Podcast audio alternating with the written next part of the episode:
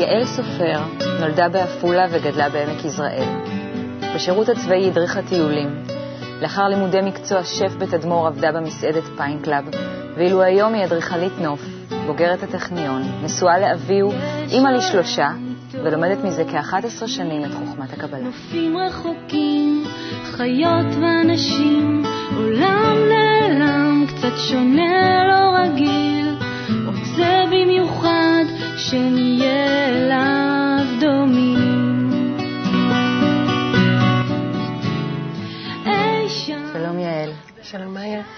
היום אני אנסה ככה ביחד איתך לבדוק איך ה- החיים שלך הובילו לקראת גילוי חוכמת הקבלה בחיים שלך.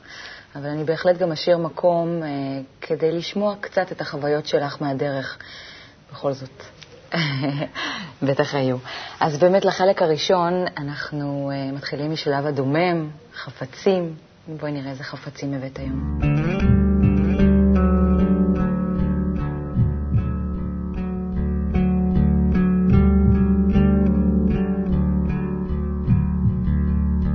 אני הבאתי אבן, אולי זה יישמע מוזר, אבל זה קשור, אה, זה קשור לזיכרונות הילדות שלי, וזה גם קשור למילה דומם. אה, אני הבאתי אבן צור. אה, סבא שלי היה ארכיאולוג ופרה-היסטוריון, ואני זוכרת שבתור ילדה תמיד הסתובבנו עם הראש על, ה, על הרצפה בטיולים לחפש כל מיני דברים מעניינים. ואז לרוץ לסבא? וכן, לדעת שיש שם בתוך האדמה כל מיני עתיקות וכל מיני שרידים של, ה... של התקופה הקדומה, של העת הקדומה, והאבנים האלה, למרות שהן היו דוממות, אה, היה בהן תמיד הרבה הרבה חיים. אבן צור, אה, האדם הקדמון אה, השתמש בהם לבניית כלים, לבניית הכלים הראשונים, ומילדות תמיד היה לי את, ה, את הדימוי הזה של האדם שעוצר את הכלים שלו, שאיך איך הוא מתקדם, איך הוא מתפתח. זה זרם בדם של המשפחה. סבא היה ארכיאולוג, וזה התחבר, גם החיפוש הזה אחרי המרחב הזה, שהוא לא רק המקום שבו אנחנו נמצאות, אה, או שאליו נולדתי, אלא יש עבר ויש עתיד, ו... זאת אומרת, זה, זה, זה פתח לי את מרחבי הזמן, הנושא הזה של, ה... אמ, של העבר, של העת העתיקה. באבן צור עצמה זאת אבן שעושה אש. שאדם את נכון, זה גם, איתה. זה גם מתקשר לנושא של אה, להדליק אש, כן, אבל היא דווקא בעיקר באמת, מי שעוסק בזה מבחינה מקצועית יודע שהאבן הזאת, היא בגלל שהיא כל כך חזקה, אה, היא, היא שימשה אותו כגרזנים, כסכינים, כחיצים, סחרו בה. ומה זה עושה לך שזאת אבן כזאת חזקה? משהו שקשור אלינו, מש, משהו שמשמש אותנו, ו... ולא רק אותי, אלא את האנושות כולה. כך, כך נראה לי. מה הדבר השני? אני רואה פה תבלינים. אה, זה לא צריך לראות, זה גם צריך להריח. כן, יש פה. ריחות. כן, יש פה ריחות אה, שזורקים אותי לכל מיני אה, תקופות ומקומות, ו... כן. אלה עשבי תבלין, כולם גדלים בארץ, כולם גדלים בטבע. אה, יש כאן אה, מרווה וזוטה וזוב, שנקרא גם זעתר. אני מילדות הייתי, חייתי ב, בסביבה, גדלתי בעמק יזרעאל, אחרי זה הייתי מדריכה בבית ספר שדה. אה, תמיד ליוו אותי הריחות האלה, הצמחים האלה, התבלין הזה, ומעניין שדווקא כשהגעתי לחוכמת הקבלה, אחד הדברים, המשפטים החזקים ביותר שנתקלתי בהם הוא בראתי יצרה, בראתי לו תורת תבלין. ופתאום המילה תבלין קיבלה אה, משמעות אה, עצומה. יש אותה גם בעולם שלנו, עם כל הריחות הנפלאים האלה והטעם שאנחנו מרגישים באוכל, אבל יש לה גם משמעות הרבה הרבה יותר עמוקה שנועדה לנו. יש משהו שמלווה באמת כמו זה, כמו, כמו האבן הזאת, מלווה את האדם ומשמש אותנו בעוד אה, משהו בחיים שלנו. אותנו, את הנשים בעיקר, אבל- תמיד אנחנו איכשהו ככה את- במטבח. ו... שפית, ו- ו- נכון. וקיבלת את זה, אני חושבת, גם מהבית, את העניין של התבלינים ושל נכון. הבישול. לסבתא שלך הייתה נכון. אה, גינה של תבלינים. כשהייתי ילדה, באמת, הייתה לי סבתא שגרה בחיפה, והיינו נוסעים לא לבקר אותה, אלא לאכול אצלה. היא פשוט הייתה בשלנית מדהימה. היא, היא שני הייתה דברים ש- בצרפת הרבה שנים, ו, ובאמת, הרוחות בבית של סבתא היו... אה, היו מיתוס במשפחה, אבל uh, כן, היא השתמשה, היא הייתה גם כן, היא מאוד אהבה את הארץ, הם חיו הרבה שנים בארץ, והשתמשה בכל, ה... בכל הצמחים האלה, כן, והעבירה את זה גם לי, גם את, ה... גם את הנושא של האוכל וגם את הנושא של התבלינים. הבאת פה סבא וסבתא, ואולי נפגוש אותם איפה שאת פגשת אותם, בילדות.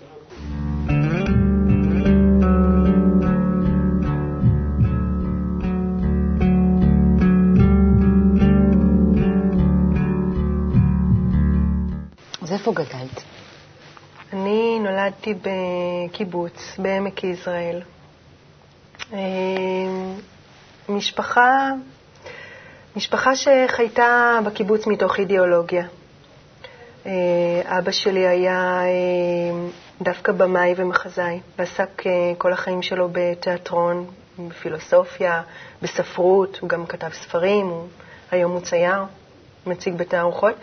ואימא שלי, בדיוק מהכיוון השני, הייתה מורה לביולוגיה וחוקרת אה, באוניברסיטת תל אביב. הם נפגשו, וזה באמת היה מין איזה מפגש כזה, ככה של מצד אחד מיזוג מאוד מעניין של אה, רגש ושכל, ומצד שני אה, הומני ומדעי. זה נפגש אה, בארבעה ילדים, ואני הייתי הצעירה ביותר, וכנראה שיצאתי באמצע. כן, איך את מתארת את השילוב הזה בתוכך? אז באמת... כילדה.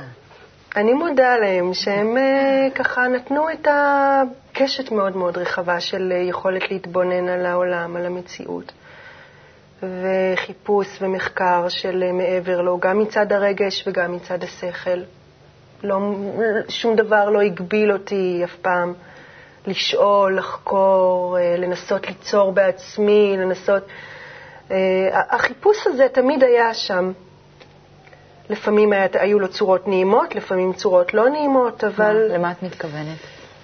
אמ, היה לך חיפוש? את חיפשת? את שאלת כילדה?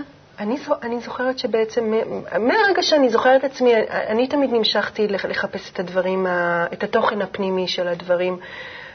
כל צורה חיצונית ביטאה בשבילי משהו שיש, שיש לו סיבה, שיש לו איזשהו תוכן פנימי.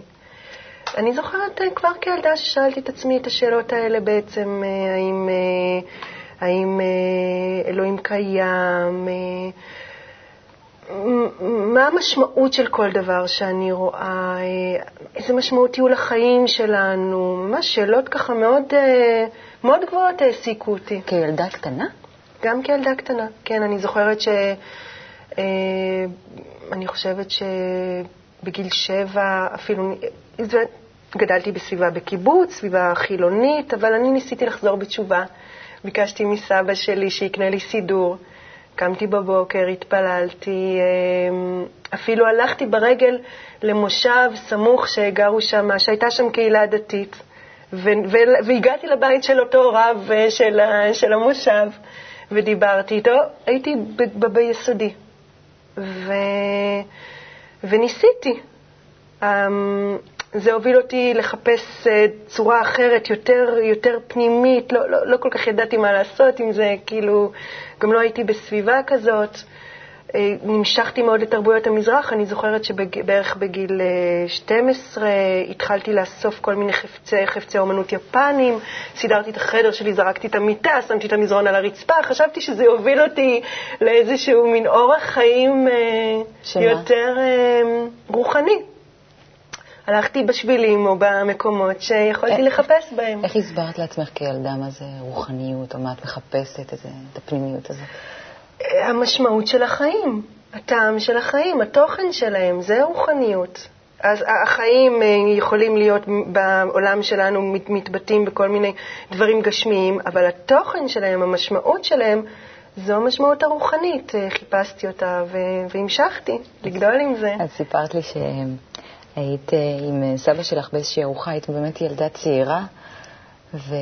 ושאלת אותו אם אה, כן. בחופש ההורים שלי שלחו אותי לחיפה, לאותו סבא יעקב, שמאוד מאוד אהבתי, שהיה ארכיאולוג, ולסבתא שרה. ישבנו שם בארוחת צהריים, הייתי בלי ההורים, ישבתי עם האחים שלי ועם סבא, ושאלתי אותו, מאוד אהבתי לבוא אליו, תמיד זה היה טיולים, תמיד זה היה ביקורים ב, במוזיאונים או במקומות כאלה, במערות, בכל מיני מקומות נורא מיוחדים. וישבנו בארוחת צהריים ושאלתי אותו, סבא, אתה מאמין שיש כוח עליון? אתה מאמין שיש אה, אלוהים? אז uh, הוא אמר לי, uh, את יודעת, אחרי כל החיפושים שלי, אחרי כל המחקר, אחרי כל, ה... אחרי כל הממצאים שאני מחפש לקיום האנושי, אני מאמין שיש כוח עליון שמכוון אותנו, למרות שתמיד הייתי חוקר ומדען. אני זוכרת שזה מאוד השפיע עליי, כי... טוב, גם הערכתי אותו, אבל גם כזה כמו במרוץ שליחים, שיש ל- ל- ל- לסבא האהוב שלי איזו מסקנה, והוא מעביר אותה אליי, ואני לוקחת אותה ביד שלי וממשיכה לרוץ איתה. הרגשת שאת uh, ממשיכה את המסקנות של סבא בחיפוש הזה? כן, זה נתן לי, זה נתן לי הבחנה, כי הנושא הזה של המדע והביולוגיה היה מאוד מאוד חזק בבית, והריאליות אבל הוא אמר לי בשקט, בצורה לא פורמלית, בארוחת צהריים, תשמעי, יש כוח עליון. אני יודע שהוא שם. טוב, בואי נלך ככה קדימה בזמן. אה, נראה מה עשית עם, ה... עם הלפיד, או איך קוראים לזה, המקל שלקחת אה, מסבא במרוץ שליחים, בחיפוש שלך אחרי משמעות החיים.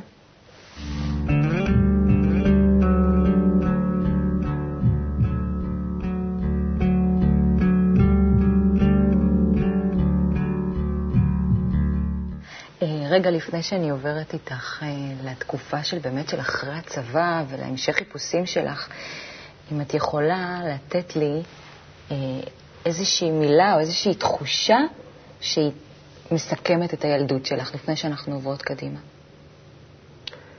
את הילדות שלי הייתי מסכמת במילה בגרות. אז הגענו אליה. הגענו כן, אליה. ילדות בוגרת כזאת.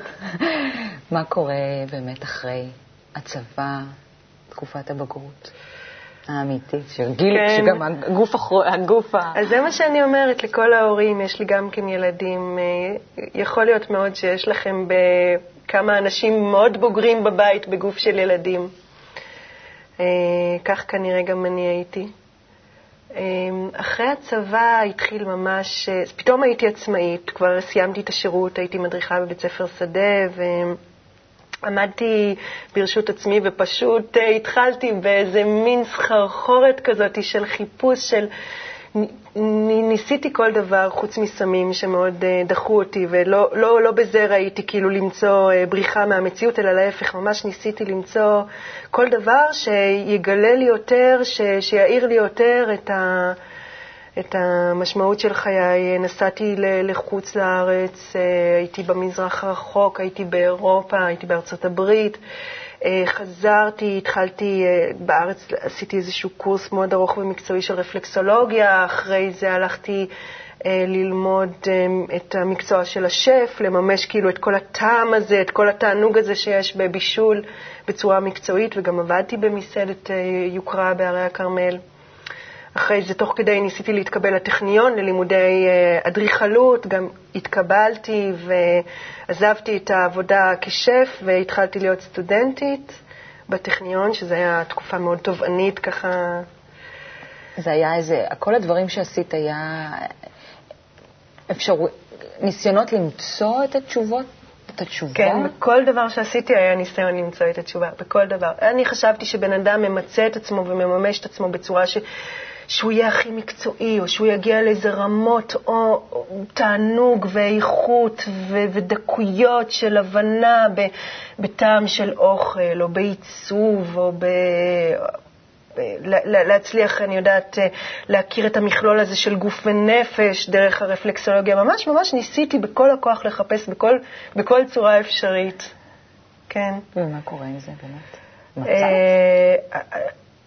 אני, אני, אני יכולה להגיד שהיה שם מנוע מאוד מאוד חזק לחפש, ואחרי כל כמה, אחרי תקופה של שנה או שנתיים, עזבתי את מה שעשיתי ועברתי לדבר אחר. עזבתי ועברתי. אה, חברים, אה, משפחה, מאוד מאוד התאמצתי, כאילו נכנסתי בכל העומק, לא זלזלתי במה שאני נמצאת פה, ניסיתי בכל הכוח למצוא שם, לפי, אמרו לי, נתנו לי ככה אה, איזושהי עצה, אמרו לי, את תמצאי את המשמעות במזרח הרחוק. נסעתי למזרח הרחוק. אז, אז עשיתי את זה, אבל, אבל לא היה- מצאתי שם. אחר כך הי- היו, היו נפילות, היו, היה כאב, היה אכזבה, כל פעם אחרי כל ניסיון. היה ייאוש. היה ייאוש. בסופו של דבר, אחרי כמה שנים, אחרי שסיימתי את הלימודים והתחלתי לעבוד במשרד מאוד מצליח בתל אביב, אה, המשכתי לנסוע לחו"ל, אבל לאט לאט התחיל ייאוש מכל המצב הזה, התחיל ייאוש מה... מכל החוסר מוצא הזה של, של באמת ל, להרגיש שזה, שזה, לא, שזה לא נמצא ושאני מתחילה להרגיש מאוד מאוד מתוסכלת. אני כבר הייתי, איך אני אתאר לך את האווירה הזאת? גרתי בפלורנטין, בתל אביב. מאסתי בזה. היו לי חברים, מעצבים, אדריכלים, ביקשו ממני להציג בתערוכות, לא רציתי. משפחה, לא, לא, לא מצאתי כבר אפילו סיבה ללכת ולבקר, כי לא... הרגשתי בדידות ואפילו, כן, ייאוש. אה, המשכתי, המשכתי פשוט כי לא הייתה ברירה, ויום אחד, אה, אני זוכרת, זה היה בערב, אבא שלי התקשר ואמר לי שאח שלי, אה, בוגר ממני בשנתיים, הוא היה אז בן 28, נפטר בפתאומיות באמצע משחק ספורט. ואני הייתי בשוק. אני פשוט, אני זוכרת, אני הנחתי את הטלפון, ובאותו רגע זה היה כמו כנראה סימן כזה, איזשהו באמת אה, שלב, שפשוט עצרתי את כל מה שעשיתי, הפסקתי לעבוד. אה, החלטתי שאני אני עכשיו חייבת להתמסר כולי, למצוא, למצוא באמת מה... בשביל מה אני כאן, בשביל מה, מה המטרה שלי. כן. Uh, אותה נקודה uh, כואבת הייתה ממש uh, התחלה חדשה. איך התחלת? איך התחלתי? Um, עזבתי את העבודה, um, נסעתי שוב לחו"ל וחזרתי והכרתי בחור שאחרי זה הוא נהיה בעלי לעתיד, אביהו. והוא גם כן היה בשלב כזה של, של חיפוש. אבל הוא די מהר אחרי שהכרנו, ביום אחד פתאום נהיה תלמיד קבלה של רב שקוראים לו מיכאל לייטמן, ואני מכירה אותו ושומעת ממנו שהוא לומד עכשיו קבלה ושזה הדבר הכי רציני שיש בחיים שלו, ושהוא מתכוון אה, להיכנס לזה בצורה הכי רצינית, ואם אני רוצה, אני מוזמנת. כן.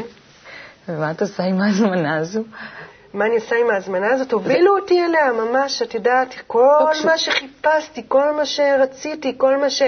אה, פתאום, פתאום ביום אחד קיבלתי הזמנה. סוף סוף קיבלתי הזמנה להיכנס למקום שאותו חיפשתי. זאת ההרגשה שהייתה לך ממש, בפעם הראשונה?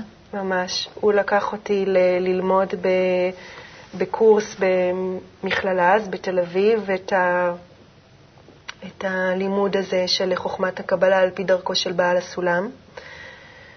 ושם, ושם באמת הרגשתי ש- שהגעתי למקום שאותו חיפשתי. את זוכרת את ההרגשה, את הרגע הזה? אני, אני זוכרת, זה, זה כמו להיכנס אל הבית, אל הבית ש, שלי. מה היה שם מסביב? אבל את יודעת, לא בית שהוא כאילו בית שנולד, שכאילו... זה לא הבית שחינכו אותך שהוא הבית שלו, זה הבית שמצאת בעצמך. אה, הרגשתי ש... הרגשתי שכל החיים שלי עושים 180 מעלות. תפנית, כל מה שידעתי לא היה, ש... לא, לא, חוץ מלהגיד תודה שזה מה שהביא אותי לרגע הזה, כבר כאילו עף, כן? כמו חללית שטסה, ויש לה, יש לה ראש ויש לה זנב, ו... ובשלב מסוים כשהיא יוצאת אל החלל ועוזבת את כדור הארץ, היא משחררת את הזנב הזה, והוא ממשיך לעוף שם בחלל, והיא ממשיכה אל המטרה שלה. כך ישבתי בקצה של החללית והמשכתי אל, ה... אל המטרה. בצורה מאוד מכוונת ומאוד ברורה, בזכות גם זה שהייתי עם, עם, בן, עם בן הזוג, שאני, שדי מהר כבר התחתנו, וביחד נכנסנו לזה. טוב. טוב שאת לא בחלל, ומאוד uh, כאן איתנו, כן. uh, למרות ה... כן, כי די מהר אחרי אותם 180 מעלות, אחרי באמת המהפכה הזאת שקורית, אז, אז, מי, שב, אז מי שלומד uh, את לימודי הקבלה, הוא יודע שקבלה זה לא איזושהי עננה שמרחפת בשמיים, זה משהו שהוא מאוד מאוד מאוד קשור לעולם שלנו. כל אחד שלומד uh, ממשיך לעבוד ומקים משפחה. וממשיך לברר את כל מה שהוא צריך כאן בעולם שלנו. לא סתם אנחנו נמצאים כאן בגוף הזה ובמקום הזה, זה לא במקרה. יש לזה חשיבות עצומה. זה טעות לחשוב שאנחנו מתנתקים מהגוף ומרחפים באיזשהו את מקום. טעית לזה זה רק- לרגע? הייתה לך את הטעות הזאת? אמ, אני, אני חושבת שבזכות זה שבאמת נכנסתי לצורת לימוד נכונה, אז אה, מהר מאוד זה, זה הסתדר וזה הוברר עובדה. ברגע שהתחלתי ללמוד אה, קבלה, מיד התחלתי לחפש שוב עבודה, מיד התקבלתי למשרד, מיד התחלתי לעבוד והתחתנתי והקמתי משפחה. זאת אומרת, זה, להפך, זה, את, את הצד של הקרקע זה חיזק. ונתן לזה משמעות ונתן לזה תוכן מצד אחד, ומצד שני זה נתן להתפתח ולהתרחב ולגדול בתוך זה. אז החלל התנחתה, ואנחנו נעבור אה, לחלק של המדבר, הציטוט שבחרת להביא.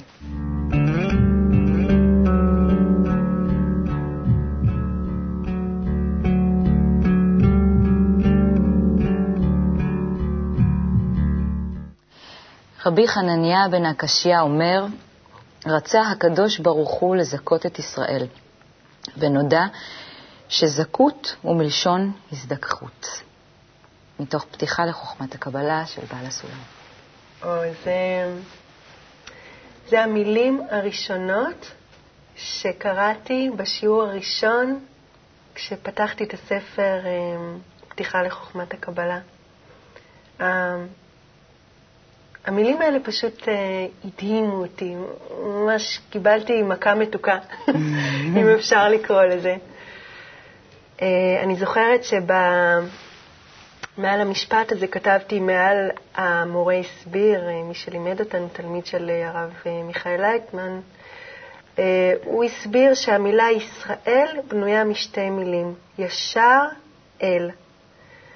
והוא הסביר שהמילה לזכות זה לא לזכות בפיס, זה מלשון להזדכך. ואני זוכרת, אני פשוט, אני, אף, אף פעם לא דיברו איתי בצורה כזאת, אף פעם לא הסבירו לי, אף פעם לא אמרו לי, ישראל ישר אל. יש לאדם בפנים מטרה להגיע ישר אל הכוח העליון. זה היה מדהים, אני, זה בדיוק המילים שתפסו אותי, המילים האלה ממש ככה. ואני זוכרת שהכוח הזה של הכתבים, אה, של הטקסטים, אה, די מהר אני, אני הבנתי ש... אה, העיסוק הזה, הקריאה, הלימוד, ולא רק הלימוד, לשם, בטח שלא לשם ידע, אלא באמת אותה הזדככות שמדברים עליה. אני זוכרת שאבי, הוא הביא הביתה, אה, הוא קיבל משימה, אה, הוא הביא את כתבי היד של הרב ברוך אשלג, ואנחנו לקחנו על עצמנו לעבור על כל הכתבים האלה, מילה במילה, ולהוציא ספר uh, שמעתי שהוא ממש נאמן למקור, עם הטעויות ועם השגיאות ועם העמקות של כל המשפטים שהיו, ובאמת עבדנו, נכנסנו לפרויקט של כמעט שנתיים. להוציא את, את כתבי הרב ברוך אשלג בספר שמעתי. כבר יצא ספר שמעתי לפני כן, אבל אנחנו חידשנו את הגרסה. ואחרי זה הוא הביא עוד פרויקט מאוד גדול שנקרא שלבי הסולם, גם כן מאמרים שהרב ברוך כתב ולא לא, לא יצאו מעולם, ופשוט הקלדנו אותם, ערכנו אותם, הבאנו, ל, הבאנו לדפוס עם עוד צוות גדול מאוד של אנשים, היה לי חלק בזה. זה הכניס אותנו בצורה מאוד מאוד מאוד עמוקה לקשר עם אותו מקובל ש... שבעצם הביא לנו היום את השיטה של הלימוד, עם בעל הסולם ועם הבן שלו, הרב ברוך שלום אשלג. את כל זה עשית במקביל באמת לעבודה, למשפחה. כן, כן. נכון. לחיים אם שעות ה- הפנאי של האנשים, אה, נניח, מתחלקות בין עבודה, ילדים, אה, טלוויזיה, קצת לצאת, אז שעות הפנאי שלי הוקדשו לדברים האלה. זאת אומרת, עבדתי, טיפלתי בילדים, ובשעות הפנאי עסקתי בכתבים של, אה, של מקובלים. ולמרות כל מה שאמרת לי, אני רוצה לשאול אותך, מה זאת הדרך הזאת בשבילך?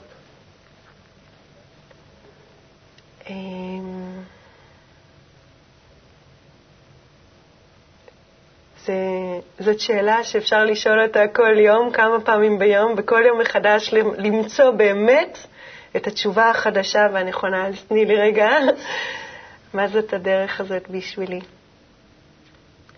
אמ, היום. היום יש כאן אה, אמ, הבנה שהדרך הזאת היא בעצם קושרת אותי, אה, קושרת אותי לכוח או למניע ובעצם לכל, לקשר עם כל, עם כל מה שקיים סביבי, עם, עם האנושות, עם, עם, עם, המק, עם הארץ שלי, עם המקום שנולדתי בו, עם האנשים שמסביבי, עם, ה, אה, עם הרגשות שלי, עם כל מה שקורה לי בחיים, עם, עם מה שהתפקיד שלי בעולם שלנו. עם, אם היה אפשר להגיד במילים את המילה הזאת עם הכל, הייתי אומרת לך, הדרך הזאת זה הכל בשבילי.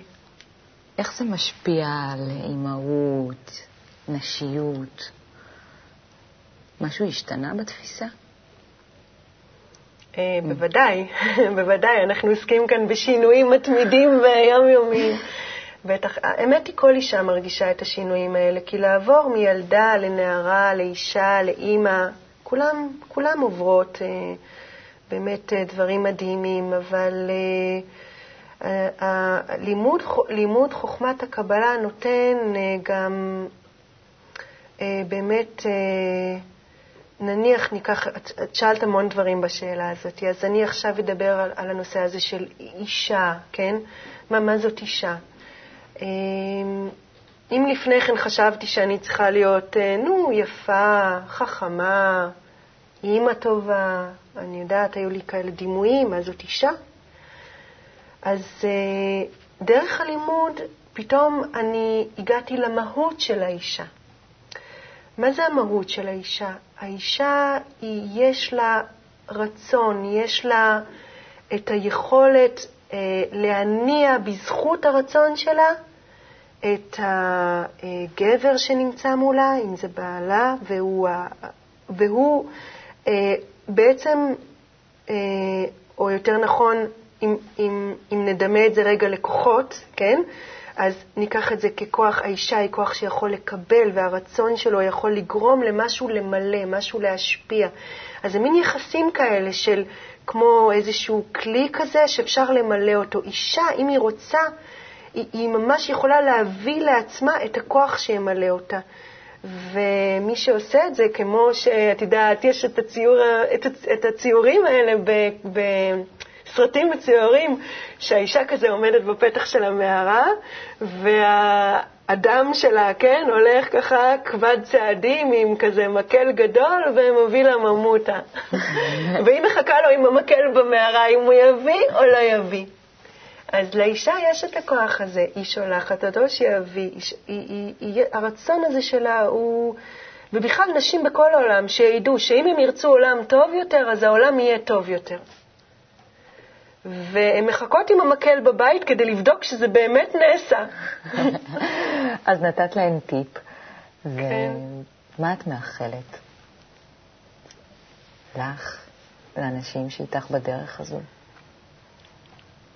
אמ, אני, אני מאחלת שבאמת אה, אנחנו נגיע לעולם טוב יותר, אנחנו נגיע למשפחות שהבעל ואישה יודעים, יודעים שיש להם מטרה משותפת וזה מחזיק אותם, והם, אה, וכמו שאני ואבי הוא יודעים שמעל כל החיכוכים ומעל כל הריבים, התא המשפחתי שלנו יש לו, יש לו מטרה ויש לנו תפקידים.